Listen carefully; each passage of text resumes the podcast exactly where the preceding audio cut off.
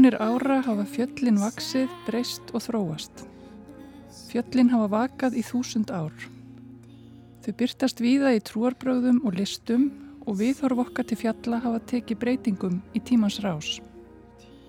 Fjöll eru upphækkuð jörð, jarðmassi sem dreifist handahófskent um löndin, myndast við reyfingu jarðskorpunar og eldvirkni og mótast af ísaldarjöklum.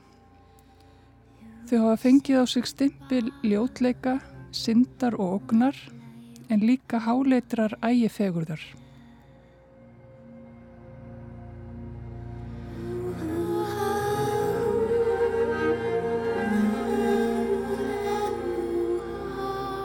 Hvernig hefur þetta viðþorf til fjalla þróast? Hvað er það við upphækkaða jörð sem kallar á sterk viðbröð mannsins? Af hverju heitla fjöll okkur upp úr skónum? Af hverju tökum við fram þessa sömu skó, reymum þá á okkur og göngum á fjöll? Af hverju eru sumir tilbúinir að hætta lífi sínu fyrir fjallstoppin?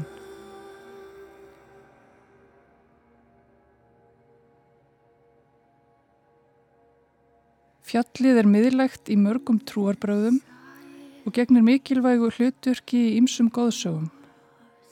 Við könnumst öll við sögur af náttúruvættum í fjöllum og hinn þjóðsagnakendu tröll eru sögð búa í fjöllunum og úr fjöllunum þramma jólasveinarnir einu sinu ári. Fjalladýrðin tengist þróun fagurfræðinar í vestrætni hugmyndasögu og fjallamennska sprettur fram sem atvinnugrein strax á átjóndu öld með tilherrandi ferðasögum. Í dag hafa vinseldir þess að ganga á fjöll náð nýjum hæðum. Til fjalla sækju við áskoranir jæmt sem innblástur.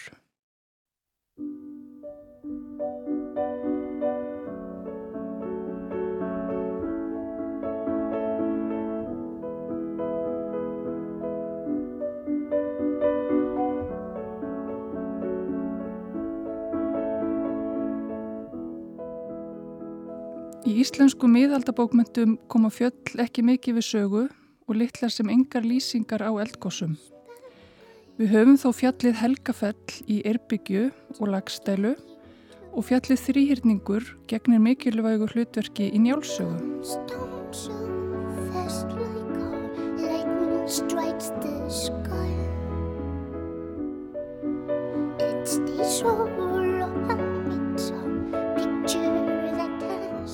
Til að fræðast betur um byrtingamind fjalla í miðaldabókmyndum og þjóðsögum mælti ég með mót við aðaliði Gummustóttur sem er prófessor í íslenskum bókmyndum.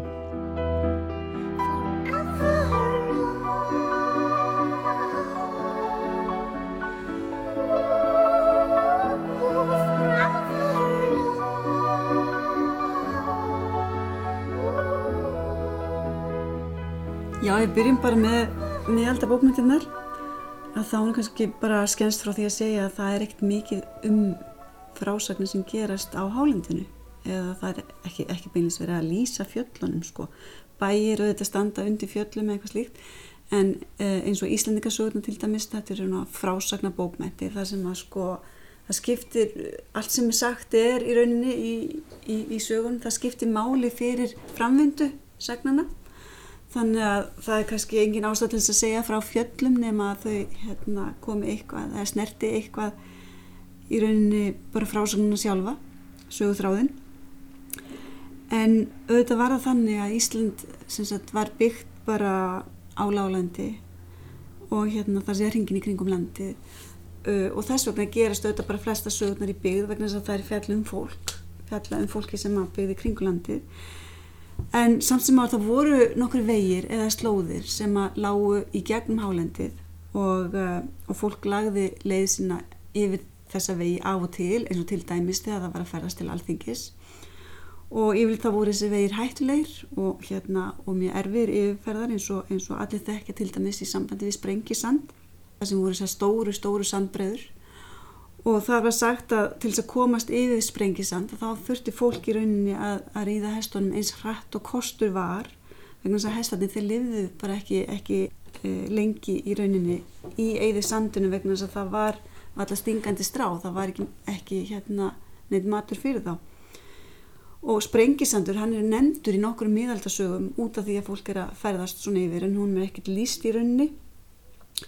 Og í hrappkjölsögu freyskoða til dæmis að þá kemur sprengisandur við sögu vegna sem mennir er að fara að austan til alþingis. Vegna atbyrða í sögunni þá þurfa er að, að, hérna, að koma á alþingi uh, fyrr en aðri menn og þá taka þess að áhættu að fara sprengisansleðina til þess að, til þess að vera mættir á svæði fyrir naðurir en það var líka ákveðin áhætta í því. Þetta var svona hættulegt. En það er ekki fyrir kannski grettisögu sem að sko við fáum svona hálendi sem verður vettvangur fyrir þjóðtrú vegna þess að grettir er útlægi sem að uh, heldur til á hálendinu. Og saga hans náttúrulega gengur út á hættur sem að hann uh, kemst í. Og á hálendinu þá kynist hann auðvitað uh, þjóðtrúavættum sem er mjög merkilegt vegna þess að frá síðaröldum þá höfum við þjóðsagnir af hálendinu. Og við sjáum þá að það er kannski eru ummart líkar þessum sögnum sem að segja frá í Grettisögu og það segir okkur að svipaða sagnir hafi verið í umferð kannski á 14. og 15. öld og svo aftur uh, þegar, þegar flesta sagnirna voru skráðar á 19. öld. Í sögunum má sjá skýran greinarmun á byggð og óbyggðum og þeim stilt upp sem andstæðum.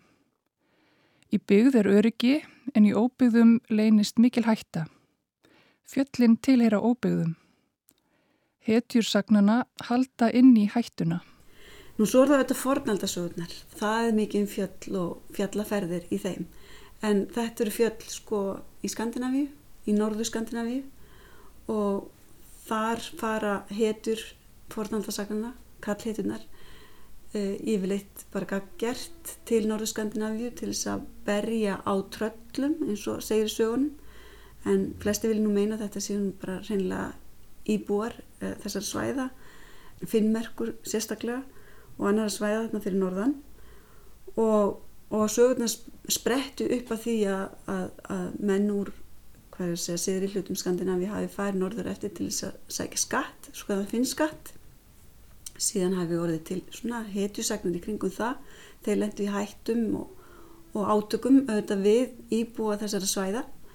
Og þetta hafi einhvern veginn þróast í sagnahefðinni á þann vega að, að íbúa svæðana urða vættum, hálgirinn átturvættum, tröllum og, og hérna síðan sér maður þetta er orðið að svona bókmynda minnum að þá fara menn í rauninni norður í fjöllin til þess að lenda beilinis í mandóms og raunum.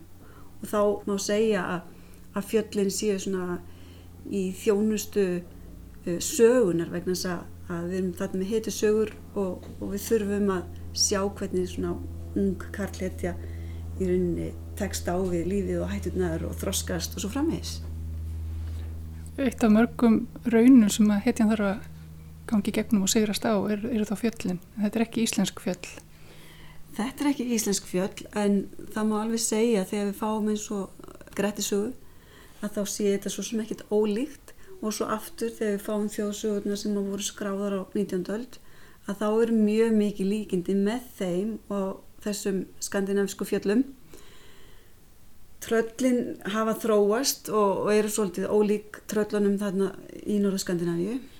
Allt innum fáum við svona tröll sem eru reysa stór í íslenskri þjóttrú og þá er eins og að hafi slegið saman sko hugmyndum, eldri hugmyndum um tröll og reysa því að tröllin í skandinavisku fjöllunum að þau eru já, þau eru allavega í lýsingu en yfirleitt ekkert mikið stærri en, en hérna kall hétutna sem fara ángað að heimsækja þau.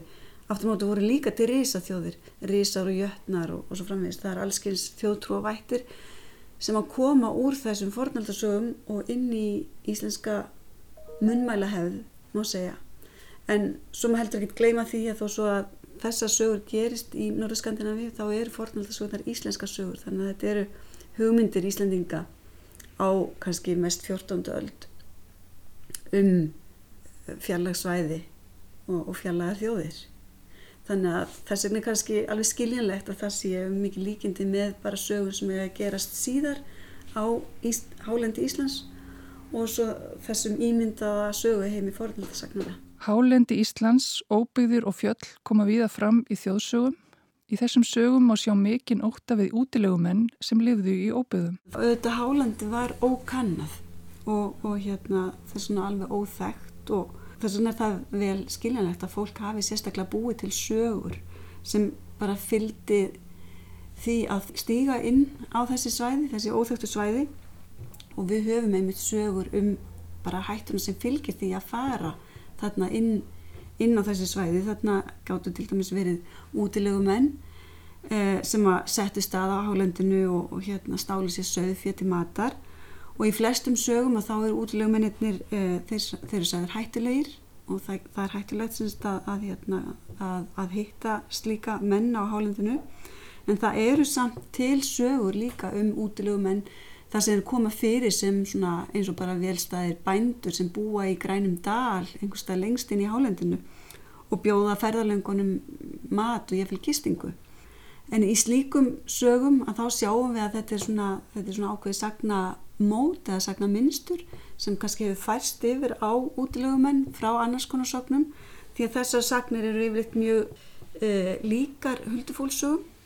Þar sé útilegumennir nálgast að vera yfirnáttulegir og er þá otnir hérna, já, líkir huldu, huldumönnum sem búa á hálendinu. Þannig að vættir hálendin sem geta svona svolítið blandast saman og samkvæmt uh, þjóðsjónum okkar að þá getur fólk átt vonaði að hitta útlaga, huldu, fólk og tröll við að eitt að yfirgefa siðmenninguna og halda á vit hins óþetta á hálendinu og það segir okkur svolítið um að, að siðmenningin var það sem að fólki bjó en svo þegar það stegi yfir ákveðin mörg að þá gæti átt vona öllu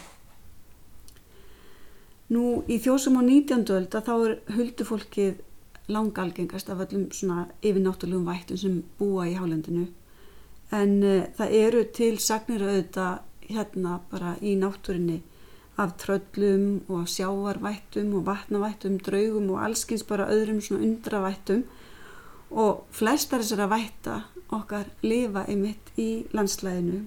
Það búa í hellum og klettum og fjöllum, jáfnvel í bara rauninu eða sandauðninni. Og yfirleitt voru svona náttúruvættir álitnar vera hættulegar bara eins og náttúran sjálf en í einhverju tilökum þá geta vættir líka verið hjálplegar og hérna jáfnvel vingjallegar þannig þannig að það var svona ákveðin vonbundin við það að það væri líka hægt að finna svona mannlegan þráð í þessum vildu vættum. Hvað geti útskýrt gríðarlegar vinsaldir þessara sagna? En ef við reynum að að skilja það hvers vegna svona sögur af vættum í náttúrinni, hvers vegna það er nutur svona mikla vinselda á Íslandi að þá er í raunin bara nóg að líta í kringum sig. Og ég held að það sé bara mjög erfitt að búa á Íslandi hvað sem var á fyriröldum eða núna á þess að sjá hversu lifandi náttúran er í kringum okkur. Og fólk getur alltaf átt vonaði að hún vakni með einhverjum hætti í rauninni hvena sem er það er ekki bara það að veðrið sé síbreytilegt frá degi til dags þá heldur getur jörðin líka bara undir fótum okkar farið að skjálfa. Við getum nátt vona á örskriðum og snjóflóðum og hverjir gjósa vatni og eldfjöldin gjósa eldi. Og, og þegar fólk náttúrulega bjó eða býr á segjum á einangruðum bæjum í svona öfluri lífandi náttúru að þá er eðlilegt að það skapi úr umhverfinu sögur og hvæði um náttúruvættir allt í kring. Okkur hefur ekki alltaf þótt fjöllin fögur. Fyrr á öldum tengdi fólk fjöllin við ógn og drunga og það var ekki fyrir ná 19. öld sem fjallafegurðin leitt dagsins ljós. Og það er rauninni mjög dæmigert fyrir miðaldabókmyndinar okkar og hvaðskap frá fyrir öldum er rauninni alveg fram til romantíkur að náttúran er hættuleg það sem er sagt frá henni þá, hérna, þá var annarkvært verið að greina frá atbyrðum eða þá að, að hún er notuð í sögum frásangfræðilega í hvaðskap til dæmis frá 17. og 18. öld þá tekum maður eftir því að ef að menn er að nefna náttúrufyrirbæri hvað sem það eru fjöllin eða, eða veðrið eða ástíðnar eða hvað sem er að þá er það einhvern veginn allt út frá sko svona raunsægi sjónaminni miðið sem sagt að vorið er nú að koma og harðindunum fer að ljúka og svo framvegis það er ekki fyrir en svona kannski í, í skálskap frá fyrirluta 19. aldar sem við sjáum að þetta breytist gífilega það fyrir að benda það hvað fjöllin eru fögur og, og, og glæsilega og, og svona tápmynd fyrir Ísland þetta var eitthvað sem við þekktum ekki áður þar sem að sko óbyðirnar, fjöllin, náttúran vilda náttúran sko að þetta var í rauninni bara eitthvað sem menn þurft að glýma við til þess að komast af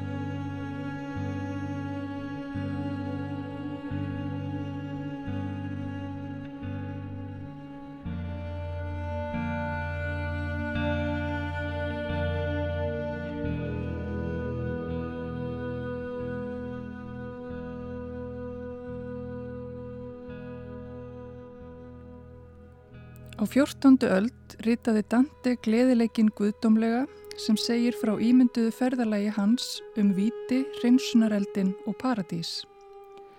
Sá hluti sem snýra hreinsunareldinum hverfist um hreinsunarfjallið en gangan upp það fjall er hluti af hreinsuninni. Rómverska skáldið Virgil fylgir Dante í gegnum viti og hreinsunareldin og Beatrice tekur við honum ofarlega á hreinsunarfjallinu og leiðir hann upp í paradís.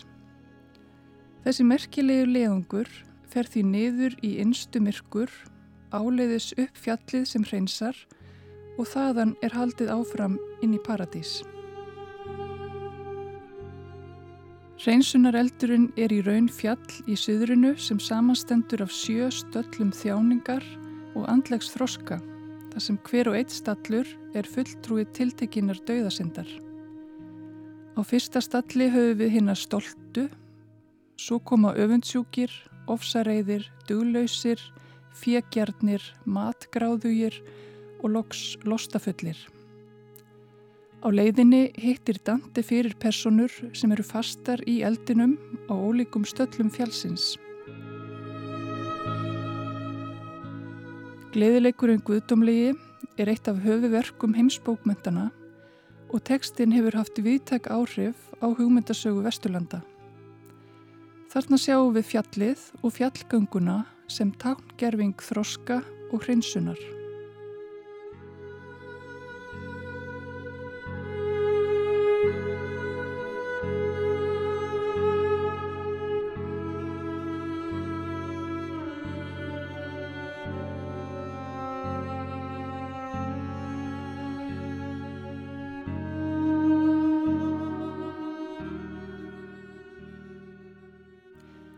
Alkemía tengist dulsbyggi og er forveri efnafræðinar.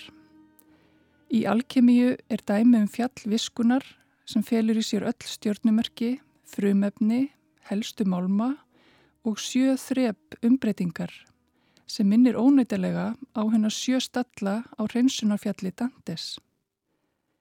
Listfræðingurinn Guðmundur Ottur, öðru nafni Gottur, veit sitt hvað um alkemíu og fjöll.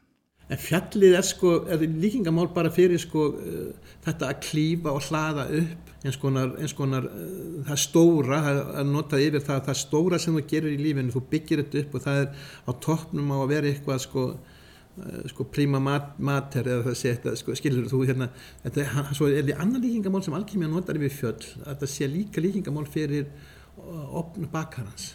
Það er segja alkymistarnir sérstaklega þarna kring reynisansins að þeir finna upp sko auminguna. Og, og allt inn eru konið sko efni sem hefur loftkjöndan hérna hlut og þá fer þetta nálgast allt í einu sko uh, já að, að geta búið til líkingamál fyrir hvernig með anda á efni og hvernig efni verður að anda. Þetta er alveg stórmerkilegt raunverulega sko. Þegar flesti sko uh, já svo eins og mann þekkja svo margir með, með Jodorowski með, með, með heila fjall Jodorowski þetta er bara æfi mannsinn sko. Hvernig þú byggir þetta smá saman upp, undirstöðunar og, og hvað fyrir ofan á hvað fyrir ofan og þar ofan á og endar svo á toppnum sko.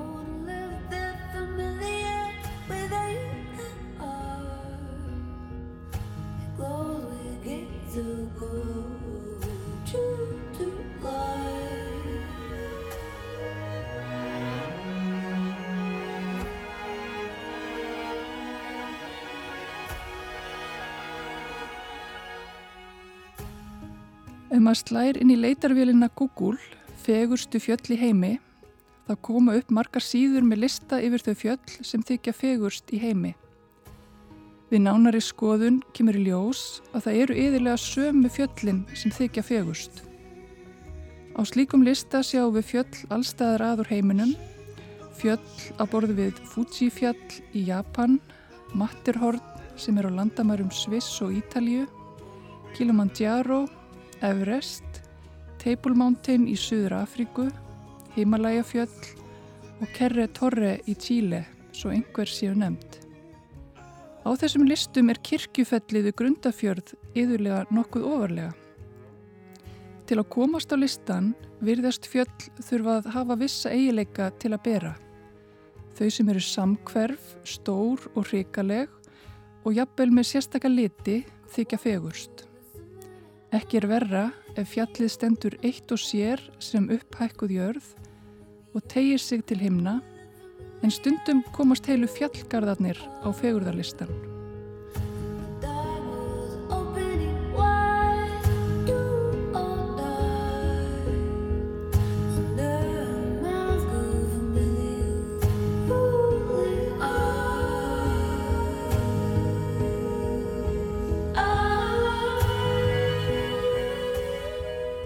Ekki hægt að tala um stórbroti náttúrufyrirbæri eins og fjöll án þess að minnast á hið súblíma eða hið háleita. Hið súblíma hefur fengið ymsar skilgreiningar sem flestar bera að sama brunni, um er að ræða reikalega ægifegurð, ógnvegjandi unað, spennuð þrungin háska.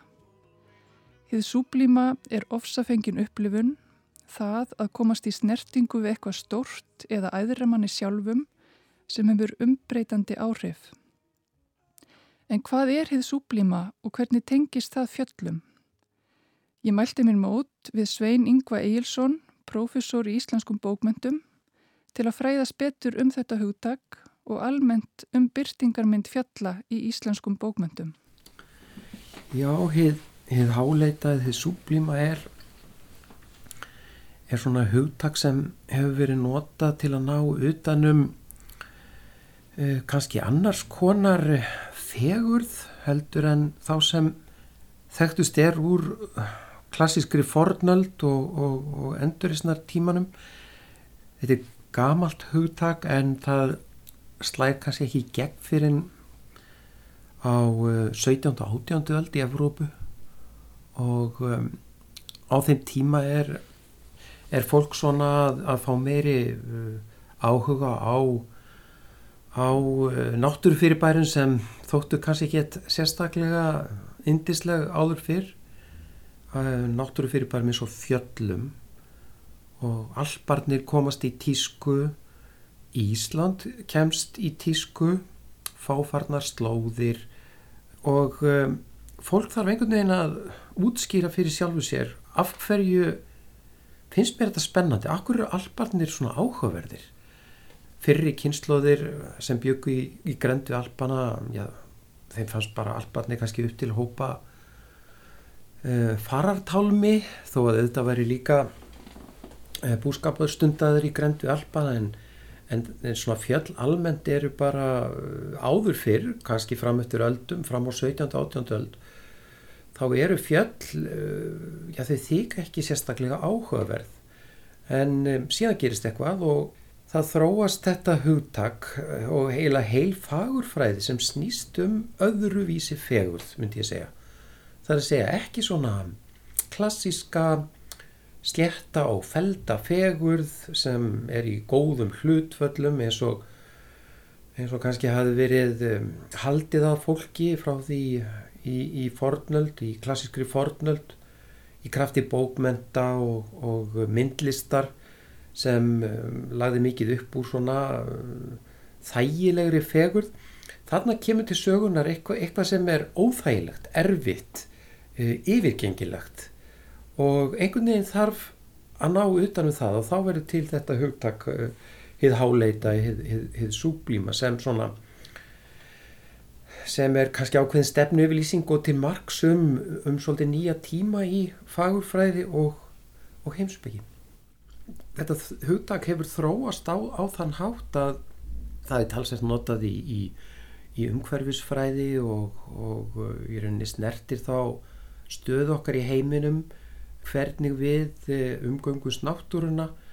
Eh, það hefur verið notað í hálendisfræðum það er notað um úthafið um, um eldgós en það er líka notað um það þegar mannkinnið hefur farið illa ráðu sínu og, og því stendur þá ekki aðeins ógn af ægilegum náttúröflum eins og eldgósi, jöklum Eh, ógnaröflum hafsins og svo frá að mis heldur hefur mannkinnið með hegðun sinni uh, valdið því að, að höfin hafa spilst að umhverfið hefur, hefur spilst og þetta hugtakið háleita er, er þannig einnig notað í, í umhugsun um umhverfisvá þar að segja að, ógnin sem hugtaki reynir að ná utanum hún uh, er ekki bara náttúruleg heldur kannski líka mannleg. Það er að segja að maðurinn, manneskjan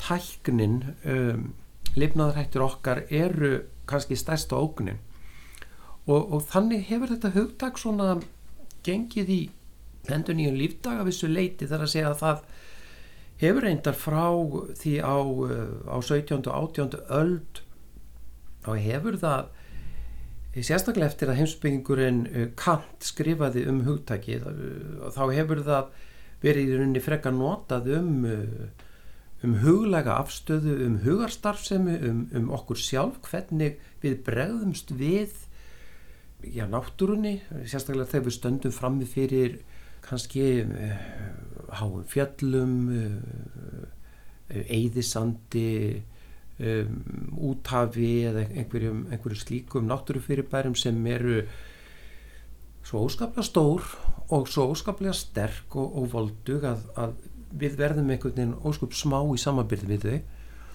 En, en um leið notar Kant og, og, og fleiri sem skrifa um þetta hugtak og þeir líka listamenn sem hafa unni með þetta hugtak nota þetta í rauninni til þess að lýsa hugarstarfsemi til þess að lýsa sjálfsmynd okkar það er að segja að það er alltaf einhver speklun uh, ég stend fram með fyrir fjallinu fjalli gerir mig lítinn en kannski líka vissuleiti finn ég fyrir einhverju stærð ekki bara í fjallinu heldur í sjálfum mér Hvernig er eins og með hefur getið sagt, sagt okkur svona stutt frá hvernig byrtast fjöll í, íslenskum bókmyndum?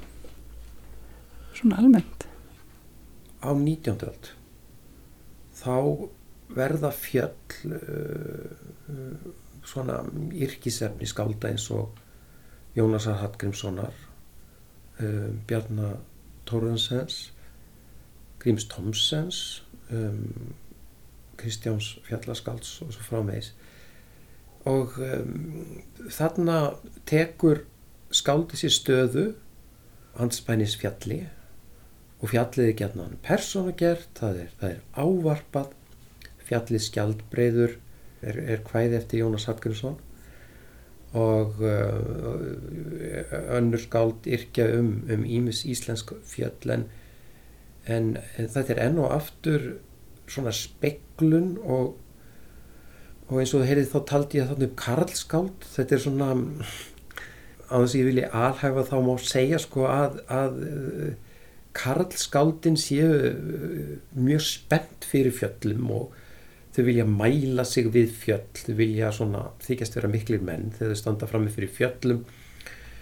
En, en auðvitað er, er líka hjá til dæmis Jónasi Hallgrímsinni bara einlegur áhugi á náttúrunni, á, á jarðfræði fjallsins og í þessu þingvallakvæði sem heitir fjallið skjaldbröður þá lýsir hann fjallinu og, og svo fer hann að lýsa eldsum brotum sem hann hefur ekki orðið vittni að sjálfur en, en gerir sér grein fyrir að, að sveitin, að þingvellir og, og, og nákvæmlega sveitið, sveitir og, og allt landslæg og þetta voru til í einhverju miklum jarðfræðingum og eldsumbrotum og hann verður að reyna að sjá það fyrir sér og fyrir síðan að lýsa eldgósinu.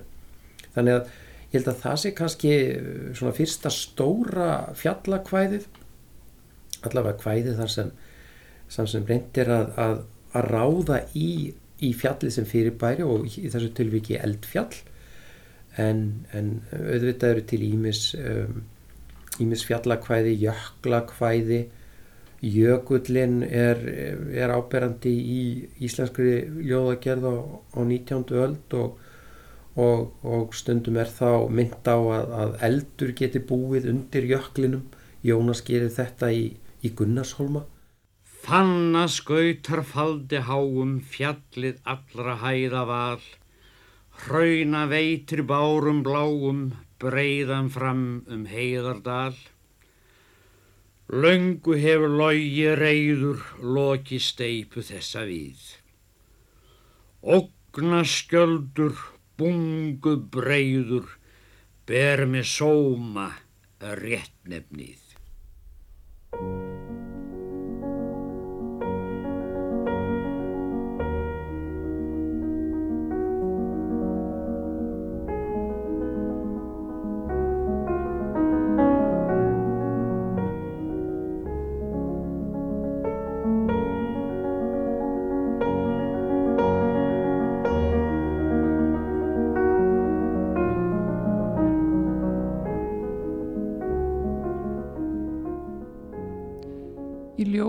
Skáldsugum eru fjöll út um allt.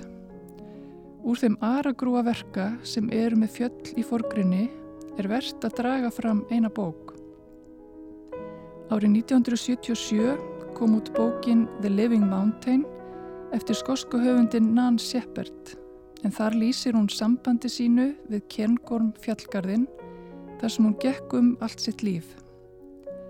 Hún skrifaði bókina á fymta áratögnum en svo endaði hún í skúfunni í tíu ára. Hún lýsir mannlífi og náttúrulífi fjallgarðsins, hvernig árnar breytast á milli árstíða og hvernig hægt er að komast í nái samband við dýrin með því að leggja sig í mósan. Hún bendir á að fjöll eiga sér innra líf ekki síður en ytra, öll fjöll eiga sér innra borð og yfirborð.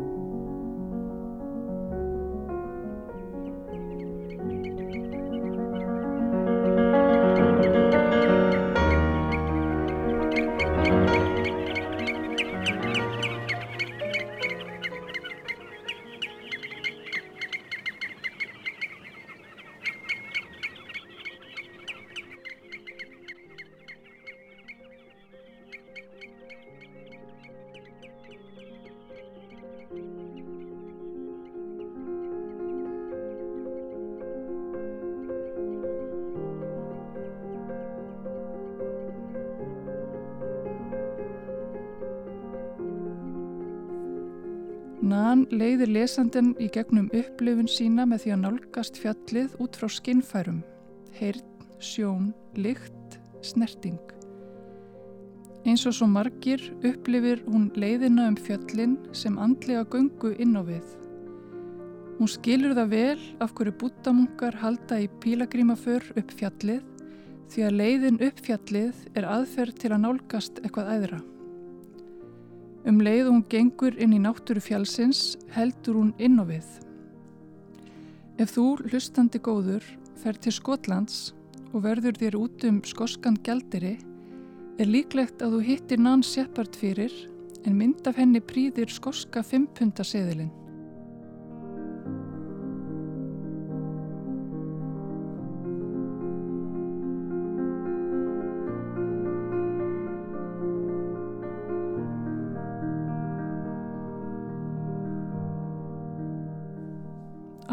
eftir útgáfu The Living Mountain eftir Nan Shepard eða árið 1978 kom út á Íslandi bókin Regin fjöll að haustnóttum og aðrar frásagnir þar sem Kjartan Júliusson, búndið að skáldstöðum Evri í Eyjafyrði, lýsir meðar annars fjallaferðum sínum. Kjartan líkir sér við landkunnuð þegar hann heldur í leiðangra á ókunnar slóðir. Líkt og nann lýsir hann náttúrunni á fjöllum, leggst í mósan og segir frá því hvernig lækinni renna og hann vil meina að á háum fjöllum sé loftið svo reynd, tært og þurrt að þar sé létt að ganga. Auðvitað vill eiga Nan Shepard í Skotlandi og Kjartan Júliusson á Íslandi ekki margt sameilegt fyrir utan það að láta lífið sama ár, eða 1981, og að gefa út bækur um fjallgöngur á svipuðum tíma. Nan Shepard hittir fyrir annað göngufólk og hennar slóðum verðist að hefbundið að ganga á fjöll. Kjartan hins vegar tók upp á því á gamals aldri að halda á fjöll í landkönnuðar leðangra og þá helst að hausti og göngurna náði við langan tíma. Þannig gekk hann einn og jafnvel um nætur. Á þeim ferðum hitti hann ekki annað fjallgöngufólk en það ekki algengt að fólk gengi á fjöll á þessum árum nema til að elda kindur.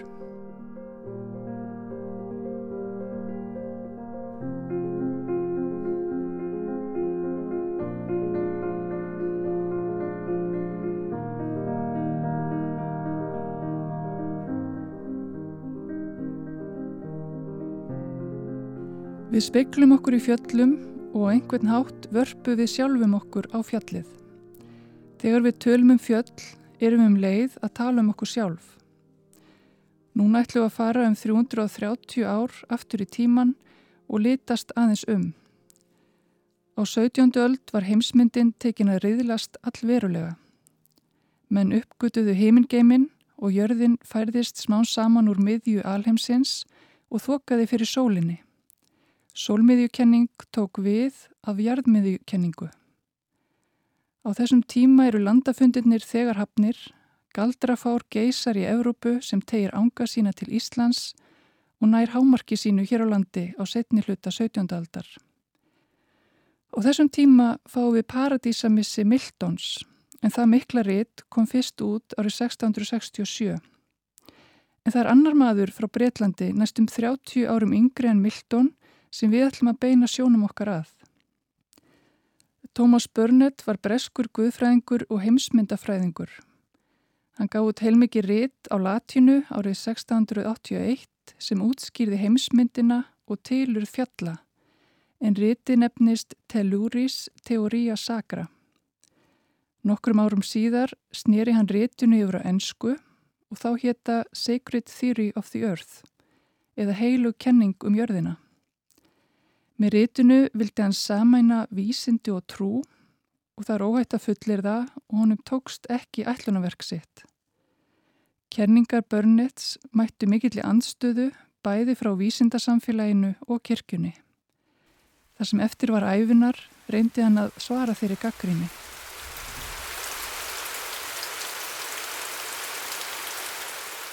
Thomas Burnett reyndi með vísindalegri nákvæmni að útskýra Akkur í landslag er bæði óreglulegt og ósamkverf óreiða.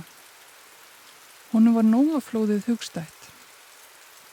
Samkvæmt Burnett var jörðin fyrir flóðið í árdaga algjörlega slétt eins og egg og þar var alltaf jafndægur og engin veður. Sem sagt fullkomin paradís, slétt og feld á nokkurar misfellu. En syndir mannana urði til þess að Nói varð að smíða örkina og samkvæmt biblíunni ringdi viðstuðlaust í 40 daga og 40 nætur.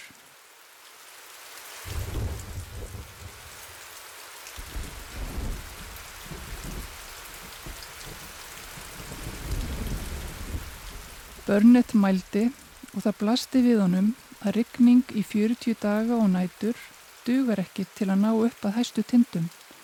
Þess vegna hlýtur jörðin að hafa verið slétt. Ekki nómið það heldur brotnaði jörðin upp og vatn flætti úr undirdjúpunum. Flóðið samanstóð af vatni af himni og úr jörðu. Þegar örkin stöðvaði á fjallinu Ararat og Nói steg út, blöstu við honum rústirnar eftir flóðið. Svo jörð sem við sjáum er því afleiðing syndaflóðsins og eilíf áminning um synd okkar. Kenning Burnets útskýði hversuna fjöllin eru handahófskend, ósamkverf og ljót. Ein allsherjar óreiða. En þá er ekki öll sagan sögð því Burnett var gjörsamlega heitlaður af fjöllum og afstæða hans til þeirra var í senn spennuþrungin og mótsagnakend. Árið 1671 var þann þeirrar gæfu aðnjótandi að heimsækja alpana og komast þær í snertingu við háleita ægifegurð. Hann snýri tilbaka breyttur maður og reyndi að sætta rústir og fegurð. Sektarkend og hrifning brutust um jónum þegar hann horði til hárra fjalla.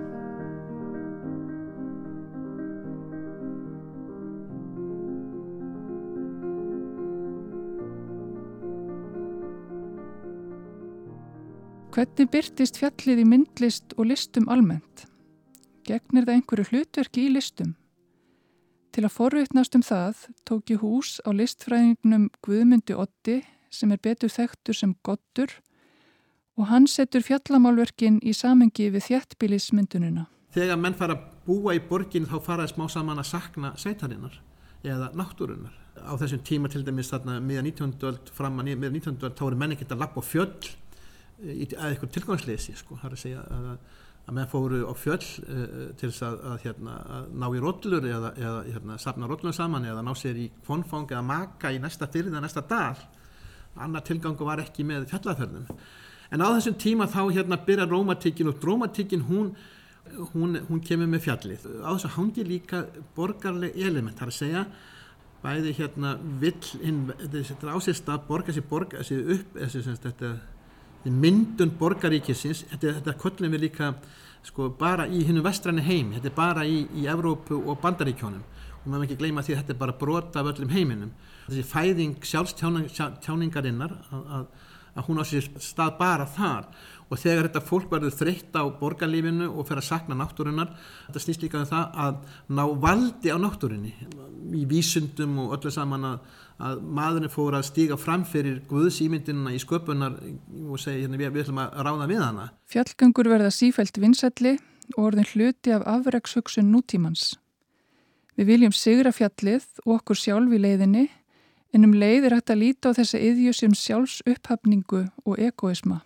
En ég vil meina það sko að, að, að, að fjalli tengist upphafningu, þetta sé upphafning, þetta sé og þetta ná toppnum, sko sjálfkverfa eða ego er ekki alls slæmt fyrirbæri, það er til sko sjúkt ego og heilbrytt ego, það munur á, á, á metnaði og metódagind, skilur, það munur á, á þóknast og þjóna.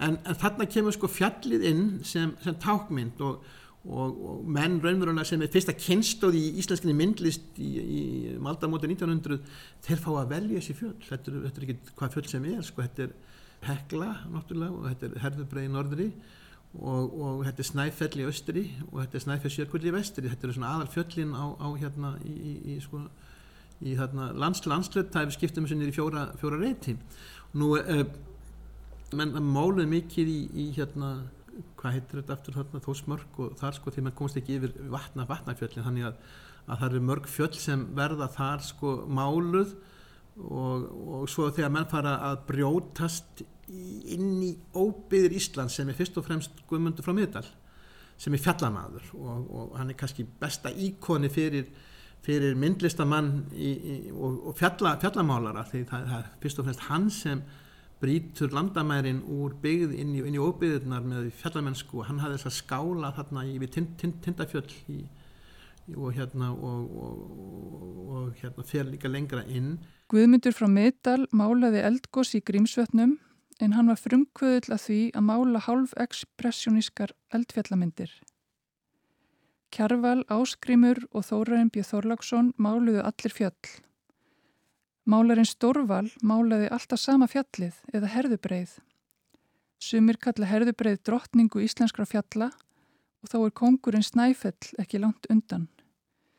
Margir eru með málverk af fjöllum í stofunni og njóta þannig fjalla úr örugri fjarlagð. svo kemur svo síður upp einhvern tíman eftir setnast heimstyrjaldið og það er að gefa gjafir í, í brúköpsgjafir og, og þá alltaf sko einhvers konar landslags eða fjallamyndir og þá koma svona alveg röð af, landslagsmálurum sem er ekki allir hátt skrifaðir en, en, en hérna en máluður þetta svona meir eins og, eins og myndir og komikassa.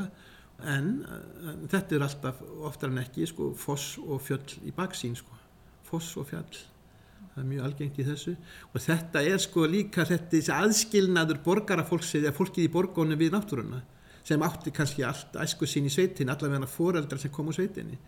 Fólk sem er upp á sitt besta eftir setni heimstyrjöld það, það, það, það kemur allt það, fli, það flist á, á, á mölina ekki út af því að það hafi verið uh, hérna, vond veður eða lítið að borða það vildi fara að koma börnunum í skóla.